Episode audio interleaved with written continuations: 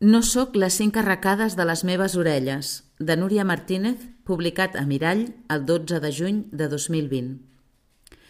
Sovint dubto en si, com a dona, encaixo o no en aquest món que anomenem planeta Terra. És aleshores quan em qüestiono què és el que em diferencia tant d'aquell qui se sent home. De quina manera tan dispar dec viure, expressar-me o somriure que no ho fa un home.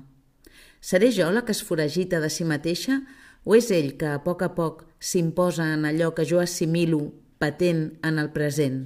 Existeixen realment tantes coses intangibles que ens allunyen? Seria esplèndid poder viure, somiar i caminar en un entorn on l'existència de la llibertat fos un dret real i no un símbol de constant reivindicació. Una llibertat en la qual, a hores d'ara, em resigno a sobreviure – una llibertat transparent que m'aterra i que he d'arrossegar entre aquells que no la volen meva, teva, seva. Potser el que cal aprendre i entendre és que allò que ens diferencia els uns als altres és només el simple fet de ser persones úniques. No sóc les cinc arracades de les meves orelles o la dessuadora ampla que duc posada. No sóc el meu color de pell, com tampoc deixo de ser més o menys noia per portar el cabell despreocupadament curt, no sóc menys bonica per fer ressonar el que opino, ni sóc els t'estimo de la persona que m'agrada.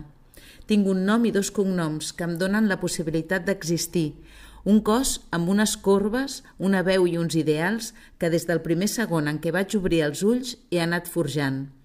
Senzillament sóc una dona que desitja ser una jove de 23 anys que viu, que descobreix i s'equivoca, que corre lliure i sovint cau, que es vesteix i desvesteix, que estima i és estimada, una jove que a voltes escriu missatges de WhatsApp cursis i d'altres, més revolucionària, somien amagar-se novament rere un mocador la nit d'Urquinaona. No vull excusar-me ni disculpar-me per ser com sóc, i molt menys per ser dona. És per això que sovint em reafirmo en que la que no encaixa en aquesta societat possiblement no sóc jo.